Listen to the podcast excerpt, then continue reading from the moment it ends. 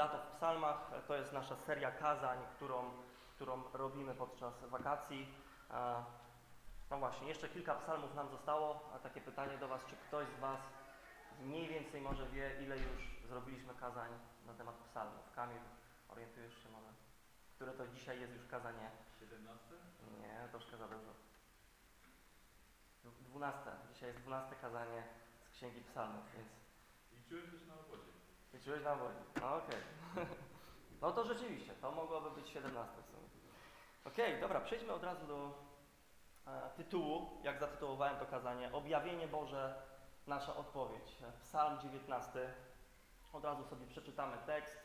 E, zachęcam, żeby powstać. E, mamy taką po prostu mm, tradycję w tym kościele, że kiedy czytamy Słowo Boże, zawsze wstajemy, aby po prostu oddać szacunek Słowu Bożemu. Przewodnikowi chóru, psalm Dawida, niebiosa głoszą chwałę Boga, a firmament obwieszcza dzieło Jego rąk. Dzień dniowi opowiada słowo, a noc nocy oznajmia wiedzę. Nie ma języka ani mowy, w których nie słychać ich głosu. Ich zasięg rozchodzi się po całej ziemi i na krańce świata ich słowa. Na nich wystawił namiot słońca. A ono wychodzi jak oblubieniec ze swojej komnaty. Cieszy się jak mocarz, który rozpoczyna bieg. Wyrusza z jednego krańca nieba i obchodzi je, je aż na drugi kraniec, a nic nie ukryje się przed jego żarem. Prawo Pana jest doskonałe, nawracające duszę. Świadectwo Pana jest pewne, dające mądrość prostemu. Nakazy Pana są prawe, radujące serce. Przykazanie Pana czyste, oświecające oczy.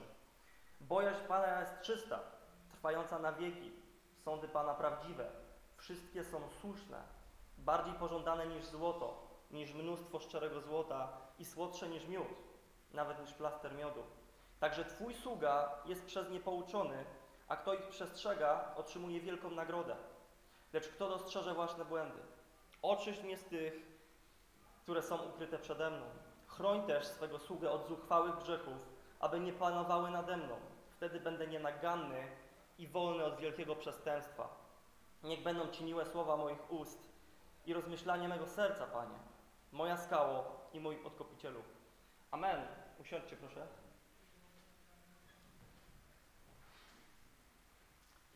Czy wiecie, jaki jest obecnie dzisiaj najlepszy sędzia e, w piłce nożnej? Macie jakiś pomysł? Arbiter, ten, który sędziuje mecze. Jaki jest? Szymon Marcinek, dokładnie. Jest to polski arbiter, jest to polski sędzia. E, W mojej ocenie jeden z najlepszych sędziów w historii tego sportu, ale to jest tylko moje zdanie. Możemy podyskutować o tym później. Natomiast niekwestionowane jest to, że obecnie jest najlepszy. W ostatnich latach to on sędziował największe mecze i finały na największych imprezach piłkarskich, jak finał Ligi Mistrzów czy finał, finałowy mecz o najważniejsze trofeum, jakie można zdobyć w ogóle w piłce nożnej, czyli mecz finałowy Mistrzostw Świata. Jeśli oglądaliście chociaż jeden mecz e, piłkarski w swoim życiu, to widzieliście na pewno, jak reagują piłkarze, trenerzy i trybuny za każdym razem, kiedy arbiter zagwiżdże faul. Przewinienie, dotknięcie piłki ręką przez zawodnika, czy po prostu jakąkolwiek decyzję sędzia nie podejmie na boisku, no to wszyscy wiemy, że zawsze to się spotyka z nieaprobatą e, drużyny przeciwnej, któ- na której jest to decyzja niekorzystna. I podczas meczu każdy na trybunach, każdy przed telewizorem e, jest sędzią. Taka jest prawda. Każdy z nas wie lepiej, każdy z nas by podjął decyzję, która w jego opinii jest słuszna. E, niektórzy sędziowie naprawdę mają kawał ciężkiej pracy i naprawdę sobie nie radzą podczas meczu, meczu, meczu z sytuacjami na boisku.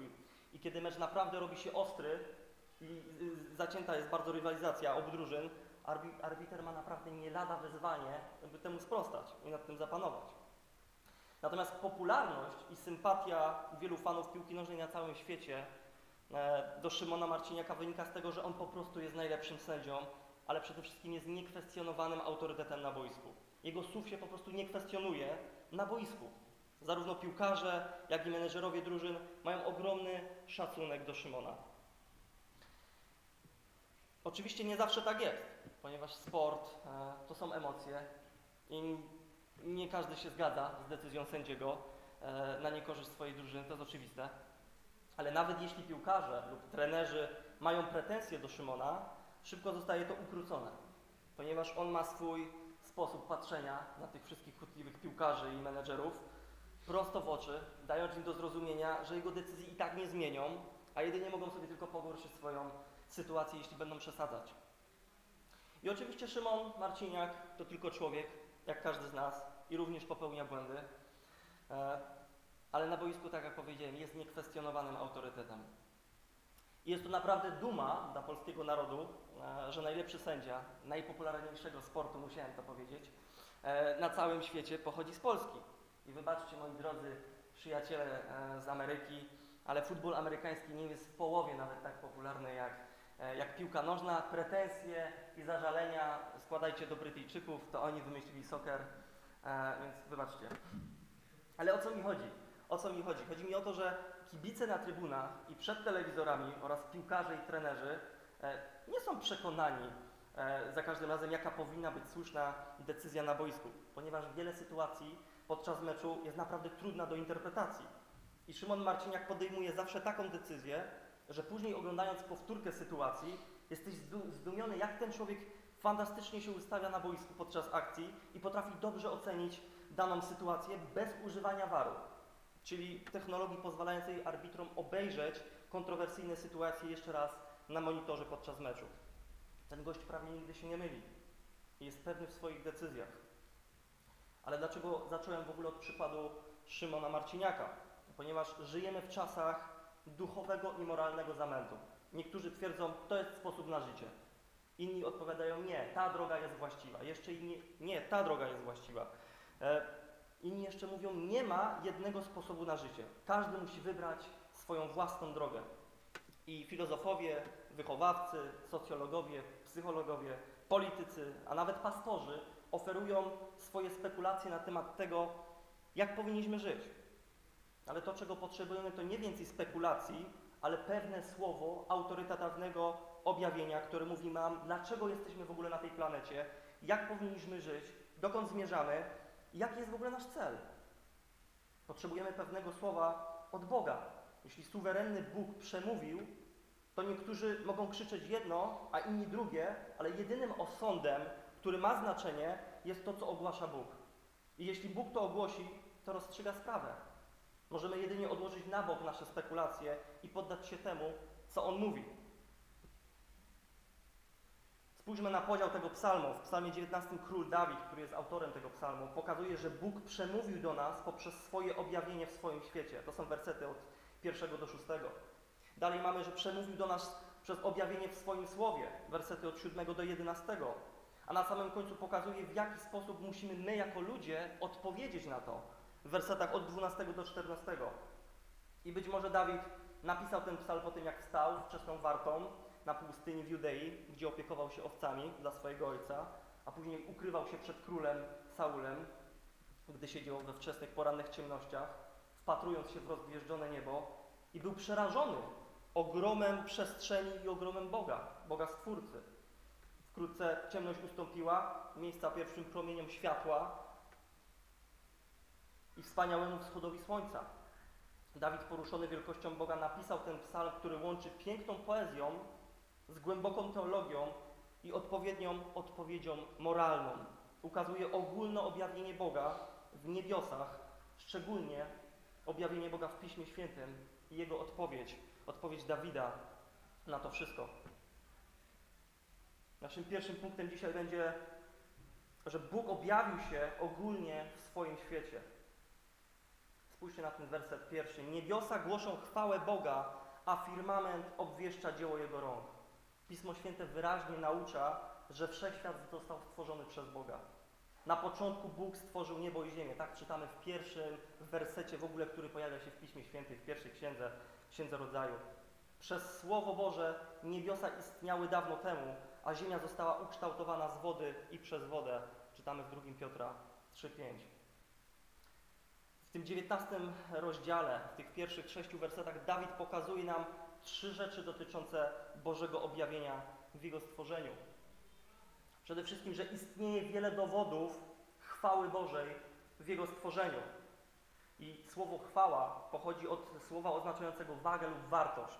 I widzimy liczne dowody Bożej wagi lub wartości patrząc na Jego stworzenie, zwłaszcza na ogrom i wielkość wszechświata. Każdego dnia słońce w swoim blasku i każdej nocy gwiazdy w swojej chwale opowiadają o większej chwale Boga, który je powołał do istnienia. Jeśli ludzie decydują się ignorować Boże objawienie w Jego stworzeniu, to nie z powodu braku dowodów, bo tam mamy napisane, ich zasięg rozchodzi się po całej ziemi i na krańce świata ich słowa. Werset czwarty. Przesłanie rozciąga się wszędzie. Jeśli żyjesz w tym wszechświecie, masz wyraźne świadectwo Stworzyciela, którym jest Bóg, który to wszystko stworzył. Powód, dla którego ludzie nie dostrzegają tych dowodów, jest moralny, a nie intelektualny. Jak to ujął apostoł Paweł, tłumią prawdę w nieprawości. I pozwólcie, że przeczytam list do Rzymian, pierwszy rozdział, wersety od 20 do 23. Słuchajcie uważnie. To bowiem, co niewidzialne, to znaczy Jego wieczna moc i bóstwo, są widzialne od stworzenia świata przez to, co stworzone, po to, aby oni byli bez wymówki, dlatego że poznawszy Boga, nie chwalili Go jako Boga, ani Mu nie dziękowali, lecz znikczemnieli w swoich myślach i zaćmiło się ich bezrozumne serce, podając się za mądrych, zgłupieli i zamienili chwałę nieśmiertelnego Boga na podobieństwo obrazu zniszczalnego człowieka, ptaków, czworonożnych zwierząt i gadów. Dowody na to istnieją. Problem polega na tym, że ludzie nie chcą poddać się Bogu. Jako Panu chcą być swoimi własnymi, własnymi Panami. I słyszałem też, jak niektórzy ludzie mówią, ale co ja tam mogę wiedzieć? Ja jestem zwykłym, prostym człowiekiem. Nie znam się na tym, to naukowcy, geolodzy, astronomowie i wszyscy uczeni mogą tylko to pojąć i zrozumieć. Ale ja uważam inaczej, że nie ma potrzeby posiadania wykształcenia, aby zrozumieć dowody. Jest to ciche świadectwo, czytamy w trzecim wersecie. Nie trzeba być piśmiennym nawet, aby pojąć ogólne objawienie Boże. Przemawia ona do nas niepisanymi słowami do wszystkich. W rzeczywistości bycie wykształconym w spekulacjach tych wszystkich dumnych ludzi może Ci przeszkodzić w uchwyceniu prostoty Bożego objawienia siebie w Jego stworzeniu. Widziałem też kiedyś taki film o, o pewnej parze, która udała się do Papui no Nowej Gwinei, by zanieść oczywiście Ewangelię prymitywnemu, nie, niepiśmi, niepiśmiennemu plemieniu. Nauczyli się oni języka tego plemienia i zaczęli opowiadać historię biblijną, zaczynając od Księgi Rodzaju, czyli od pierwszej Księgi Biblii, e, oczywiście aż do samego końca. I kiedy opowiadali tym plemieniom historię stworzenia, misjonarze wspomnieli, że w ich własnym kraju wielu ludzi wierzyło, że ludzie pochodzą od małp. I ci, ci prości, niewykształceni ludzie, kiedy to usłyszeli, zareago- zareagowali szyderczym śmiechem, wykrzykując, przecież to głupie. Jak pochodzimy od małp? No właśnie. Każdy powinien być w stanie spojrzeć na niesamowitość i złożoność stworzenia i dojść do wniosku, że istnieje Stwórca, a nie jakiś przypadek, który to wszystko zainicjował. Istnieje kilka atrybutów Boga objawionych na niebie. Dawid pisze wiersz lub pieśń, ale nie traktat naukowy lub teologiczny, więc nie jest wszechstronny ani systematyczny. Z Psalmu 19, z tych pierwszych sześciu wersetów, możemy jednak wyciągnąć to, co, naj, co, co najmniej pięć wniosków na temat Boga. I oto pierwszy z nich. Bóg jest nieskończony w swojej mocy. I następnym razem, gdy wyjdziesz na zewnątrz w gwieździstą noc, chociaż wiemy, że w Krakowie cię- ciężko jest o to, prawda, z powodu smogu, ciężko jest y, zobaczyć tutaj naprawdę piękno, e, piękno nieba, piękno gwiazd.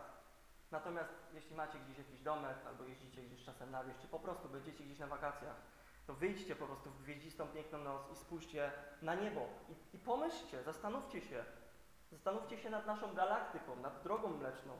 Zawiera ona ponad 100 miliardów gwiazd, a we wszechświecie jest prawdopodobnie co najmniej 100 miliardów innych galaktyk, z których każda ma miliardy gwiazd. Wyobraź sobie, że grubość strony w Twojej Biblii wynosi 150 milionów kilometrów. 150 milionów kilometrów. Taka jest odległość do naszego Słońca. Wyobraź sobie, że odległość do najbliższej gwiazdy to jest 4,5 roku świetlnego. A co by było, gdyby to wynosiło 20 kilometrów? Średnica naszej galaktyki to 100 tysięcy lat świetlnych. A co gdyby wynosiła 500 km? Krawędź znanego naszego wszechświata wynosiłaby 50 milionów kilometrów w tej samej skali. Bóg powołał ten wszechświat do istnienia. I co to mówi o Jego mocy i nieskończoności? Drodzy przyjaciele, drodzy bracia, drodzy siostry, mamy do czynienia z istotą, która jest poza naszym najskrytszym wyobrażeniem. Nawet używając ludzkich narzędzi, e, używając, mam na myśli tutaj nauki, e, jest to po, poza naszym wyobrażeniem. I był pewien naukowiec, który podjął się e, takiego bardzo ciekawego mm, badania. Użył on właśnie technik, e, technik e, naszej wyobraźni, w sensie z, z, z, zrobił takie badanie za pomocą różnych technik, jak działa umysł ludzki, jak, jaką, jaką cz- człowiek potrafi mieć wyobraźnię i tak dalej. I to wszystko odniósł do Pisma Świętego. Wziął wszystkie księgi biblijne, e, które mamy i odniósł to wszystko do opisu Boga. I jasno wyszło z wyników jego badania, że człowiek nie byłby w stanie stworzyć sam z siebie takiego obrazu Boga, który jest przedstawiony na kartach Pisma Świętego. To też o czymś nam mówi, że Pismo Święte nie może być spisane tylko i wyłącznie z ludzkiego umysłu, ale rzeczywiście, że jest natchnione, jak nam nawet samo mówi, że Duch Pana zgromadził Jego Słowo, że nic w nim nie brakuje, że wszystko, co mamy, jest nam potrzebne do uświęcenia, do życia, do wychowywania, aby człowiek Boży był doskonały i do wszelkiego dzieła przygotowany. Następnym jest to, że Bóg jest konsekwentny i wierny. Tak jak słońce wiernie i konsekwentnie wschodzi e, na wschodzie każdego ranka i zachodzi na zachodzie każdego wieczoru, tak Bóg jest wierny i konsekwentny. Możesz liczyć na to, że dotrzyma swojego słowa, bo On nigdy nie zawodzi. Jeśli masz pewne obietnice w Piśmie Świętym, jako Jego dziecko, jako wierzący, to możesz być pewny, że On dotrzyma słowa. Bóg jest promienny w swoim blasku. Dawid poetycko porównuje słońce do oblubieńca wychodzącego z komnaty ślubnej, promieniującego radością i entuzjazmem. I słońce wschodzące na wschodnim niebie jest tylko skończonym obrazem blasku nieskończonego Boga, który sam mieszka, jak czytamy, w niedostępnej światłości, na którego blask żaden śmiertelnik nie może spojrzeć. Bóg jest niezmiennie mocny, tak jak, słoń, tak jak e, właśnie słońce codziennie konsekwentnie. A, przepraszam, to jest czwarty. Teraz przepraszam. Bóg jest wszechobecny i wszechwiedzący. I tak jak promienne słoneczne e, świecą wszędzie na ziemi i nic nie jest ukryte przed ich ciepłem, szczególnie właśnie na Bliskim Wschodzie, gdzie pisał król Dawid, tak samo nic przed Bogiem nie może być ukryte i nic nie może być ukryte przed Jego blaskiem. On wyszukuje człowieka i wie o nas wszystko. Także nie da się przed Nim ukryć, uciec. Bóg wie o Tobie wszystko. Przeczytaj choćby nawet Psalm 139, który również tutaj rozmazaliśmy. Dawid próbował uciec przed Bogiem. Wiedział, że jest grzeszny.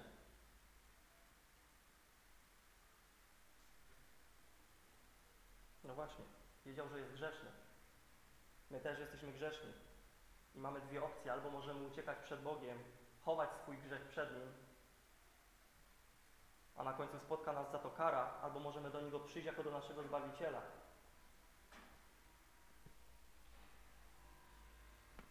Wyciągnijmy trzy lekcje z tego, co przed chwilą przeczytaliśmy i co powiedziałem. Niech Boże stworzenie uniży Cię w Jego obecności. Biblia jasno mówi, że grzeszną tendencją naszej upadłej rasy ludzkiej jest dumne wywyższanie się. Myślenie, że jesteśmy jak Bóg. Ale prawda jest taka, że nie jesteśmy tacy jak Bóg, tylko On jest wszechmocnym Stwórcą. Spró- Spróbuj powołać do istnienia cokolwiek, nie mówiąc już o całym wszechświecie, a zobaczysz, że w porównaniu z Bogiem jesteś niczym. Oznacza to, że nie możesz wykorzystywać Boga do własnych celów, jak niektórzy to próbują robić. Bóg nie istnieje, nie istnieje po to, żeby Cię uszczęśliwiać, gdy re realizujesz swoje samolubne cele. On jest suwerenem wszechświata, który sam jest wielki. On jest powodem wszystkiego. Biblia mówi, że musisz się ukorzyć i poddać niesamowitemu Stwórcy. Nie pozwól, by współczesne teorie ewolucyjne zainfekowały Twoje myślenie.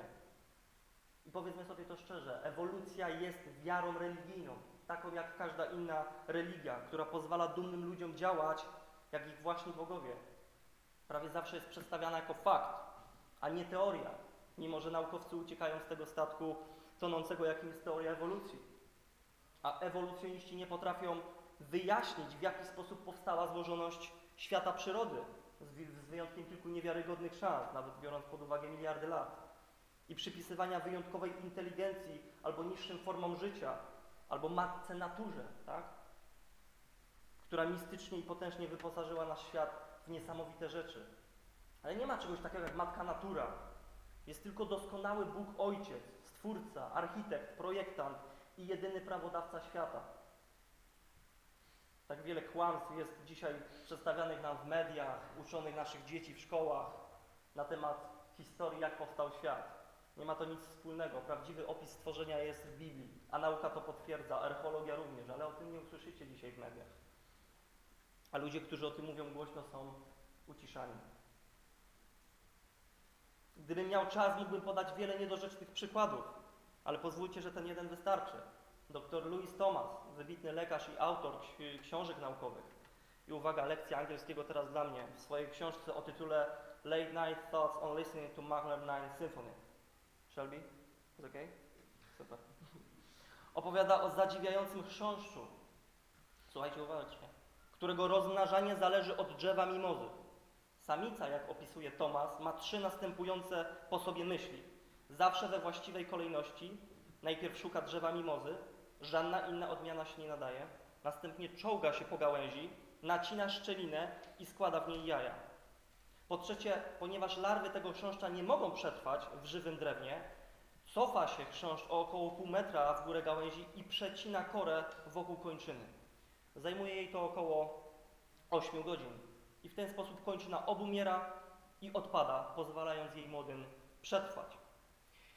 Ponadto zgodnie ze szczęśliwą ewolucją, drzewo mimozy, jeśli nie zostanie przycięte, ma oczekiwaną długość e, życia od 25 do 30 lat, ale jeśli zostanie przecięte, czym zajmuje się chrząszcz, drzewo będzie żyło około 100 lat. Sprytne te chrząszcze, prawda? I Tomas też tak uważa.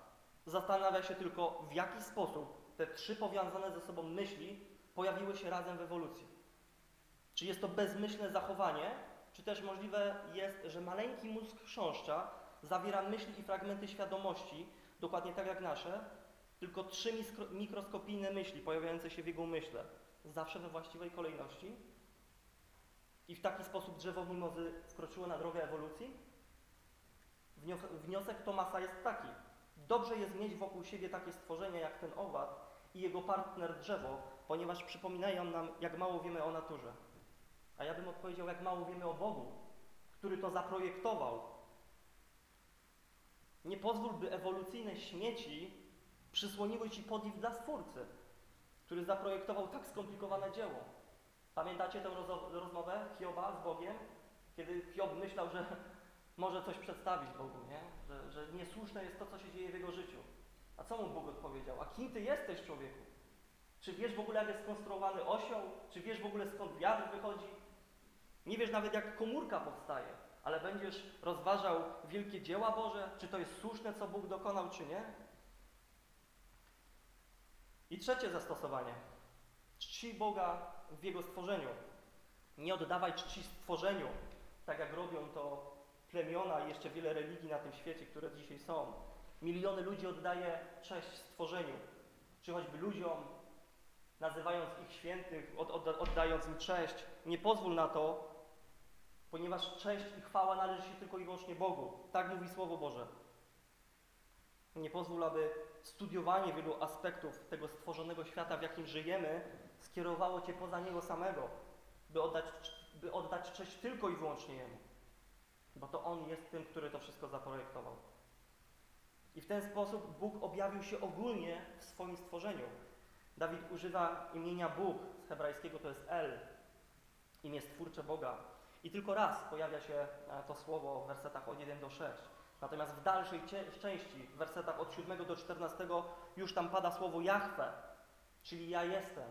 To jest, to jest imię Boże, którym się Bóg przedstawił Mojżeszowi, kiedy go powołał. W polskich tłumaczeniach i angielskich tłumaczeniach wstawiamy tam słowo Pan, osobiste imię przymierza Boga z Izraelem. Siedem razy pojawia się słowo Pan.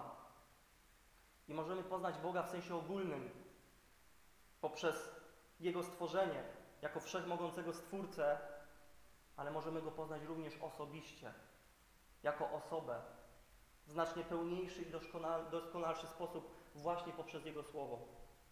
I tym, I tym sposobem zmierzamy do naszego drugiego punktu dzisiaj. Bóg objawił się szczególnie w swoim Słowie. W sekcji hebrajskiego paralelizmu, pozwólcie, że szybko wyjaśnię dla tych, co nie wiedzą, paralelizm w literaturze to inaczej tożsamość lub podobieństwo treściowe, znaczeniowe bądź kompozycyjne kilku analogicznych segmentów e, danego utworu literackiego. I w tej pięknej sekcji hebrajskiego paralizmu Dawid wylicza sześć synonimów Słowa Bożego, po których następuje sześć opisywanych przymotników, a następnie e, sześć czasowników. I pierwsze cztery czasowniki opisują wpływ Słowa Bożego na ludzi. Ostatnie dwa opisują nieodłączne cechy Słowa Bożego. I opisawszy w ten sposób Słowo Boże, Dawid pokazuje, dlaczego Słowo Boże jest pożądane. Ograniczę się tylko do pięciu faktów na temat Słowa Bożego. Słowo Boże jest autorytatywne. Zwróć uwagi na rzeczowniki, które pojawiają się w tym psalmie, czyli prawo, świadectwo, nakazy, przykazanie, bojaźń czy sądy. Słowa te oznaczają autorytet. Bóg nie klepie nas śmiało po głowie czy, czy po ramieniu i nie mówi, przepraszam, ale czy mógłbyś czy mógłbyś, e, czy, mógł, czy mogę zasugerować, abyś rozważył włączenie mojego punktu widzenia do Twojego? Absolutnie tak nie jest. Nie ma mrocze, gdy mówi nam, jak mamy żyć. Nie dał nam dziesięciu wskazówek, jak być szczęśliwym, jak być spełnionym tutaj, czy jak osiągnąć sukces. Kiedy Bóg mówi, my mamy słuchać. I oczywiście, jeżeli podążasz za Bogiem, jesteś spełniony, jesteś szczęśliwy, możesz osiągać sukces, tylko właśnie w ten sposób, o którym On mówi, a nie w ten sposób, o jakim Ci mówi świat. Żyjemy w kulturze, która gardzi autorytetami. Ja sam, jako nastoletni chłopak w szkołach, gardziłem autorytetami. Śmiałem im się w twarz. Bo tak zostałem wychowany, w takiej kulturze zostałem wychowany, że słuchanie autorytetów, nauczyciela, czy kogokolwiek, lidera, pastora, że to jest wstyd, że to jest coś złego. Jesteś buntownikiem, masz być buntownikiem dzisiaj. Ty wiesz najlepiej. I często słyszę, jak chrześcijanie usprawiedliwiają nieposłuszeństwo, mówiąc, nie podlegamy prawu. Nazywają pastorów, starszych kościoła, liderów legalistami. Jeśli tylko oni przypominają o dyscyplinie w kościele i mówią o grzechu, że należy z nim walczyć na każdym kroku. Ale przeczytaj Nowy Testament, choćby nawet. Wszystkie dziesięć przykazań, z wyjątkiem szabatu, jeśli będziemy nieposłuszni, są przerażające, ponieważ towarzyszą im groźby. Przeciwstawiamy się autorytatywnemu Słowu Bożemu na własne ryzyko. Słowo Boże jest obficie wystarczające. Jest ono wystarczające dla wszystkich potrzeb ludzkiej duszy. Słowo Boże jest doskonałe, nawracające duszę, czytamy w tym psalmie. Jak mówi apostoł Paweł, Pismo Święte uczyni człowieka Bożego doskonałym lub odpowiednim do każdego dobrego dzieła. Mówi o tym w drugim liście do Tymoteusza. Słowo czyni mądrym prostaczków, czyli prostych ludzi. Słowo prosty pokazuje nam, że aby otrzymać Bożą mądrość, musimy się uniżyć, odkładając na bok naszą dumę ludzką, ludzką dumę, czy naszą mądrość. Mądrość ze Słowa Bożego pokazuje nam, jak nasz nieskończenie mądry Stwórca zarządził dla nas błogosławione życie. Jak widać w następnym zdaniu, kiedy mówi radujące serce. Słowo Boże nie jest ciężarem, które odbiera Ci radość, ale błogosławieństwem, które daje Ci prawdziwą radość w każdych okolicznościach, w każdych okolicznościach Twojego życia, jeśli naprawdę za nim podążasz. Czytamy dalej, że ono oświeca oczy. abyśmy nie potknęli się i nie zranili się w licznych pułapkach zastawionych na nas przez ten świat, przez szatana i przez złych ludzi. Słowo Boże jest lepsze niż szlachetne złoto, dalej czytamy, czy miód, a za jego przestrzeganie czeka nas wielka nagroda. Powinniśmy pragnąć bardziej Słowa Bożego niż pieniędzy czy dobrego posiłku, czy czegokolwiek innego w życiu, ponieważ ono ma wartość nie tylko dla tego życia, ale też dla tego przyszłego, do którego zmierzamy. Słowo Boże jest wystarczające, by zaspokoić każdą potrzebę każdego zranionego ludzkiego serca. Dlaczego tak wielu ludzi dzisiaj, również chrześcijan, tak bardzo podąża za tymi bezbożnymi radami współczesnej psychologii i szuka porad i mądrości życia w tym, co oferuje ten świat? Skoro mamy tak wystarczające źródło mądrości od naszego kochającego Ojca. I powiem Wam dlaczego, i będzie to mocne, bo pogardzili słowem Pana, jak czytamy. Mienili się mądrymi, a stali się głupcami.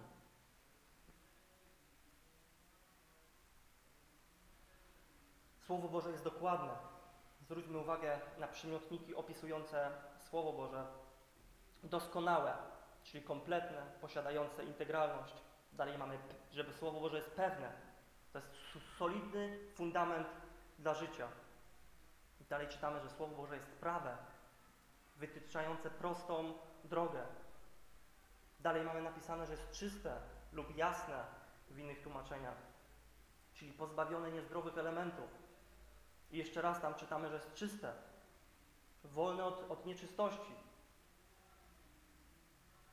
Oczyszcza nas z grzechu oraz prawdziwe, całkowicie niezawodne. Jeśli w Słowie Bożym, w Biblii, w Piśmie Świętym jest jakiś pozorny błąd, to wynika on tylko i wyłącznie z naszej ograniczonej wiedzy, a nie z pomyłki Boga. Dlatego możesz powierzyć swoje życie całkowicie podążaniu za, za Słowem Bożym i nie zostaniesz sprowadzony na manowce. Jak wskazuje Jan Kalwin, jeden z wielkich reformatorów, reformatorów Kościoła, cytat, życie człowieka nie może być uporządkowane, jeśli nie jest ukształtowane zgodnie z prawem Bożym. No właśnie. Słowo Boże jest absolutne. Ono trwa na wieki. Jest całkowicie sprawiedliwe. Ma zastosowanie w każdej kulturze i w każdym wieku i dla każdego człowieka. Boże standardy nie są względne i zmienne. Nie powinniśmy być podrzucani przez każdy wiatr jakiejś doktryny w naszych czasach, ale raczej żyć według niezmiennych Bożych standardów objawionych w Jego Słowie.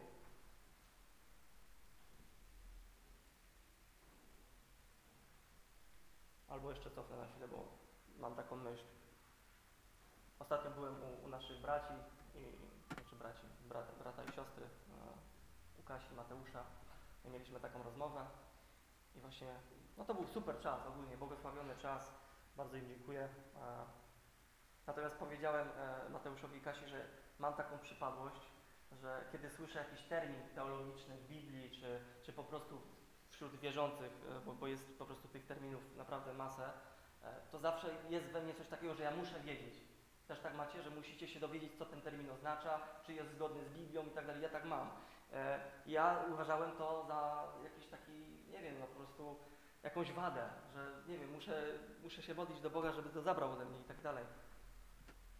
Natomiast Kasia mi fajnie powiedziała, e, Mateusz, ale popatrz, możesz dowiedzieć się tych rzeczy i możesz później komuś służyć, jeśli ktoś nie będzie znał odpowiedzi nie? na dany, dany termin, bo tych terminów jest naprawdę dużo. Dlatego warto jest szukać odpowiedzi. I teraz zupełnie inaczej na to patrzę. Chociaż dalej mnie to momentami wkurza, nie? Bo tak jak mówię, pojawia się jak, jak, jakaś dyskusja wśród wierzących, e, pada jakiś, jakiś termin, którego pierwszy raz słyszę, albo nigdy nie, nie, nie wiedziałem, co oznacza i mam w głowie, kurczę, no muszę się dowiedzieć, co to oznacza. Słowo Boże jest absolutne. To już było. Okay. Słowo Boże jest szorstkie. Przez Słowo Boże Jego sługa jest pouczony i ostrzeżony, czytamy w wersecie 11. I Bóg nie zawsze poklepuje, tak jak mówiłem, nie po głowie czy po ramieniu, nie mówi grzeszny chłopiec. Jego słowo bardzo często uderza w grzeszne ziarno, które jest we mnie i mówi: To jest złe, lepiej przestań to robić. Macie tak? Jeśli naprawdę należycie do Boga, przyjęliście Go jako swojego Zbawiciela, to On będzie Was konfrontował. Ponieważ Słowo Boże konfrontuje nas, ale czyni to dla naszego dobra. Dlatego Boże objawienie zawsze wymaga odpowiedzi. A więc król Dawid wnio- wnioskuje w tym psalmie.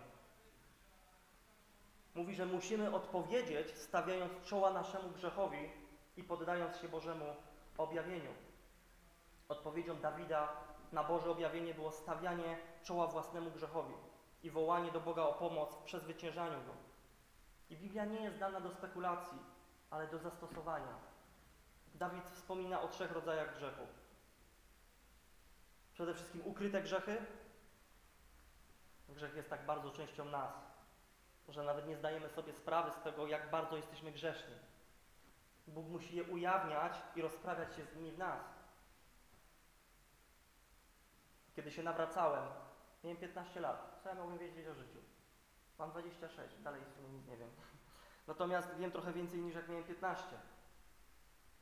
I ilość grzechów, które na tamten czas myślałem, że nie są grzechami, była przytłaczająca.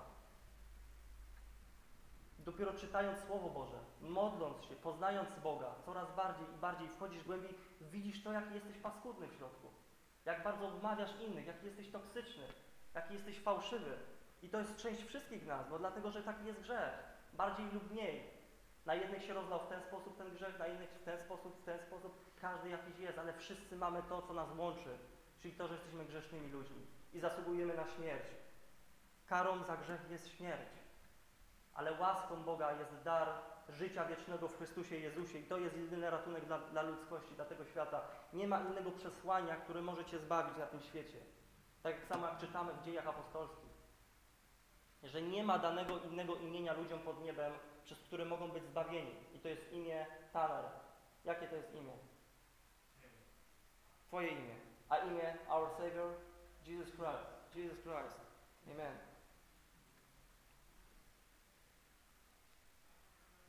Grzechy rozmyślne. No to te już, te już znamy bardziej, nie? Grzechy rozmyślne. To jest to jawne nieposłuszeństwo. Są chwile, kiedy wiesz, gdy Bóg mówi, co chce, żebyś zrobił. Abyś... Ale ty jak się zachowujesz? Jak się zachowujemy? Jesteśmy krnąbrni, jak dziecko i mówimy, nie zrobię tego. Albo wiemy, że coś jest grzechem i to robimy, bo to kochamy, bo to lubimy. Bo to nam daje chwilową satysfakcję. Ale Bogu się to nie podoba. I Dawid nie chce, by którykolwiek z tych rodzajów grzechu zdominował jego życie. Dlatego modli się, by Bóg go wybawił. Bo tylko Bóg może to zrobić. No i ostatni grzech słów i myśli. O, jak bardzo ciężko skontrolować swój język i to, co mówimy, to, co myślimy. Bardzo często używam tego porównania, że gdyby wyświetlić wasze myśli, was wszystkich, którzy dzisiaj tutaj jesteście, choćby ostatnią godzinę, albo nawet przez ostatnie tygodnie, wszystkie wasze myśli, które przeszły wam przez umysł, wyświetlić dzisiaj tutaj na tablicy. Uwierzcie mi, że nikt z was już by dzisiaj nie był waszym przyjacielem, ani byście się już dłużej prawdopodobnie nie kochali. A skąd to wiem? Bo Biblia ma, ma rację. Jesteśmy grzeszni, jesteśmy upadli. Biblia nas konfrontuje. Dawid jest świadomy, że grzech leży głębiej niż nasze zewnętrzne czyny. Dlatego modli się, aby słowa Jego ust i rozmyślania Jego serca były miłe Bogu. Słowo Boże przeszukuje nasze wnętrze i pokazuje nam nasze złe myśli, które są źródłem złych słów i złych uczynków. A to wszystko się zaczyna tutaj, od serducha. Nasze serca są z natury złe. Ludzie rodzą się z natury źli. Dlatego, dlatego że nasi prarodzice upadli. I ten grzech jest spowielany z pokolenia na pokolenie. Czytamy w Hebrajczyków 4:12: Słowo Boże jest żywe i czynne, ostrzejsze niż wszelki miecz obosieczny, przenikające aż do rozdzielenia duszy i ducha, stawów i szpiku, zdolne osądzić myśli i zamiary serca człowieka. Jeśli Dawid, który nazywa siebie tutaj sługą Bożym, którego Bóg nazwał człowiekiem według swego serca, wiedział, że był tak skłonny do grzechu, że modlił się w ten sposób, to i o ileż bardziej my Musimy nieustannie konfrontować się ze Słowem Bożym i wołać do Niego o czystość w naszym wnętrzu. Ja znam swoje grzechy. Oczywiście ciągle Bóg pokazuje mi nowe i wiem, jak jestem nędzny i upadły. I tylko w Chrystusie jest moje przebaczenie, tylko w Chrystusie jest moja nadzieja na to, że mogę być w Nim lepszy, tak jak mówił Tanner o łasce. Bez łaski nie jesteś w stanie tego zrobić, nie zrobisz tego sam z siebie, bo nie ma w tobie takiej siły, żebyś się zmienił na lepszego człowieka.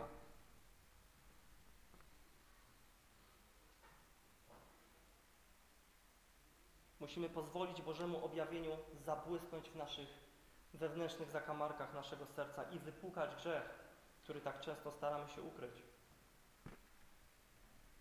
I wniosek, ponieważ Bóg przemówił w swoim świecie i w swoim słowie, musimy odpowiedzieć, stawiając czoła naszemu grzechowi i poddając się Bożemu objawieniu.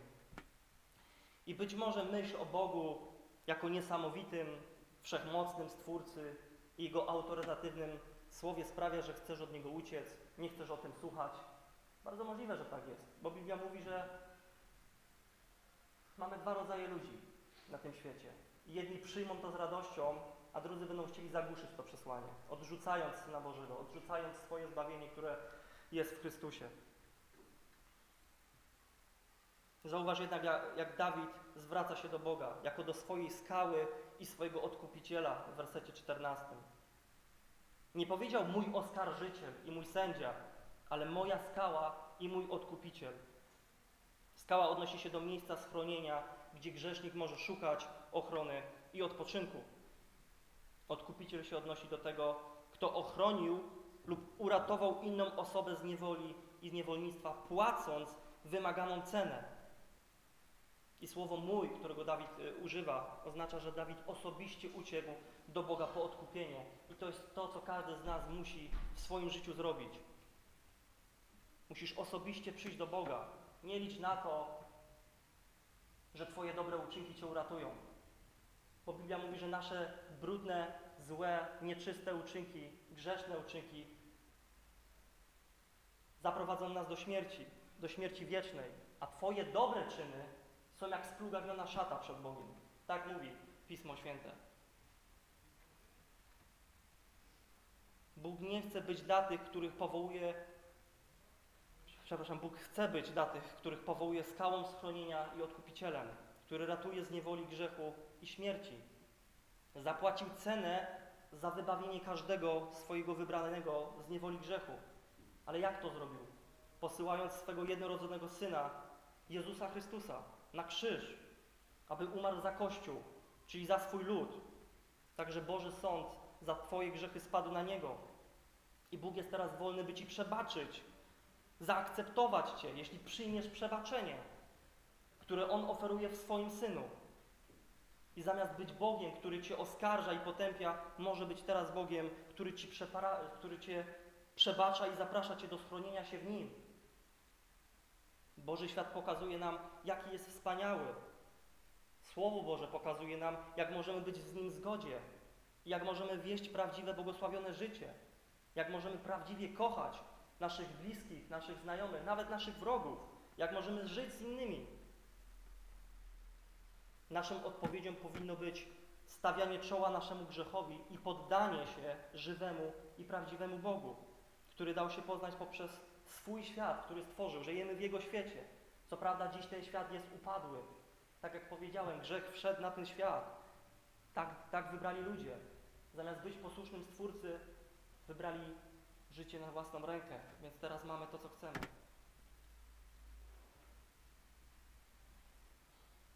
Tylko On jest sędzią, który decyduje o wszystkim. Upewnij się, że jesteś w Nim bezpieczny. Każdy, kto odrzuca Jezusa Chrystusa, Biblia mówi, że gniew nad nim ciąży. Jeśli odrzucasz Syna Bożego, odrzucasz także Boga Ojca. I jedyne miasto schronienia, jakie istnieje na tym świecie, to Jezus Chrystus i Jego Ewangelia. Wszystko inne, co znajdziesz w tym świecie, to tania i marna podróba filozofii, psychologii, nauki i rozwiązań, jakie oferuje Ci ten świat, ten upadły, zepsuty świat. I jeśli świat cię nie wypełni, a nie wypełni cię, bo nic ci nie da satysfakcji w tym świecie i nie muszę cię nawet znać, bo wiem, co mówi Biblia o każdym z nas, to co może cię wypełnić? Co może dać ci satysfakcję? Co może sprawić, że rzeczywiście powiesz, to jest to, czego ja potrzebowałem, to jest to, po co jestem na tym świecie, aby poznać mojego Zbawiciela. To, czego brakuje każdemu człowiekowi rodzącemu się na tym świecie, to relacja z Jezusem Chrystusem. Osobista relacja. Ja nie mówię tu o religii.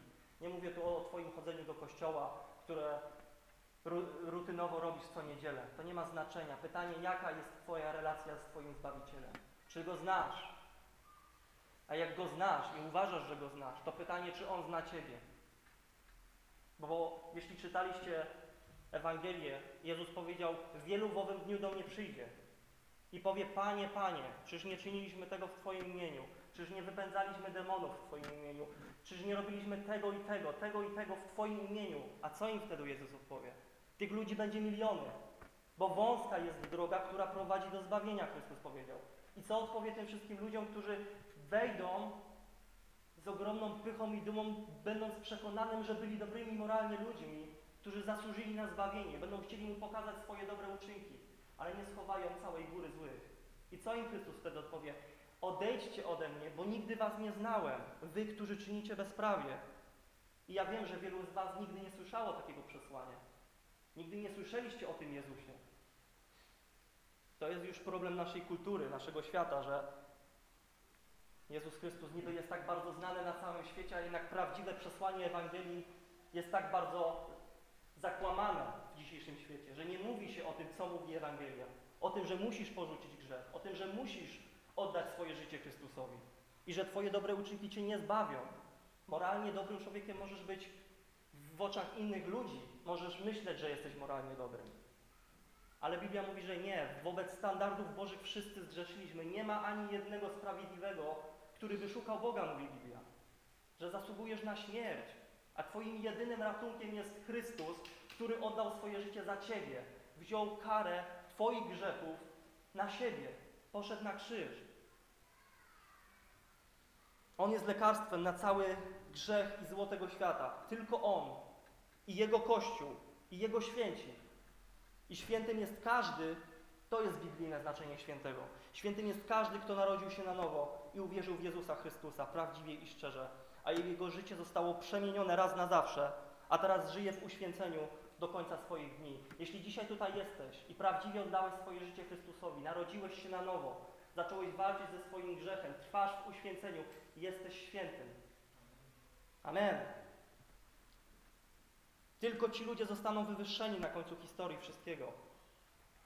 I jeśli dzisiaj Jego głos słyszysz w swoim sercu, nie zatwardzaj go. Uklęknij przed Nim i wyznaj Mu swoje grzechy. Pokutuj i uwierz w Chrystusa. Uwierz w Niego. Podziękuj Mu za to, ponieważ jeśli to uczynisz, to tylko dlatego, że dał Ci takie pragnienie, byś do Niego przyszedł i oddał Mu swoje życie. Każdy, kto odpowie na wezwanie Jezusa Chrystusa, nie zawiedzie się, mówi nam Biblia. Ale każdy, kto nie odda swojego życia Chrystusowi, pójdzie do piekła. Wina będzie po Twojej stronie. Wiecie o tym, że Jezus Chrystus więcej razy wspomniał o piekle niż o niebie? Sprawdźcie to w Ewangeliach. Jezus więcej razy powiedział o piekle niż o niebie. Dlaczego? Żeby nas ostrzec. Czy wiecie, jak wygląda piekło? Zajrzyjcie, przeszukajcie swoją Biblię. Jak wygląda ta rzeczywistość? To nie jest jakaś tam pokazana przenośnia, metafora. To jest prawdziwe miejsce, gdzie trafiają miliony ludzi, ponieważ nie uwierzyli w Chrystusa, nie przyjęli jedynego ratunku, jakie mogli mieć w swoim życiu. Upewnij się, że jesteś w Jezusie. Amen.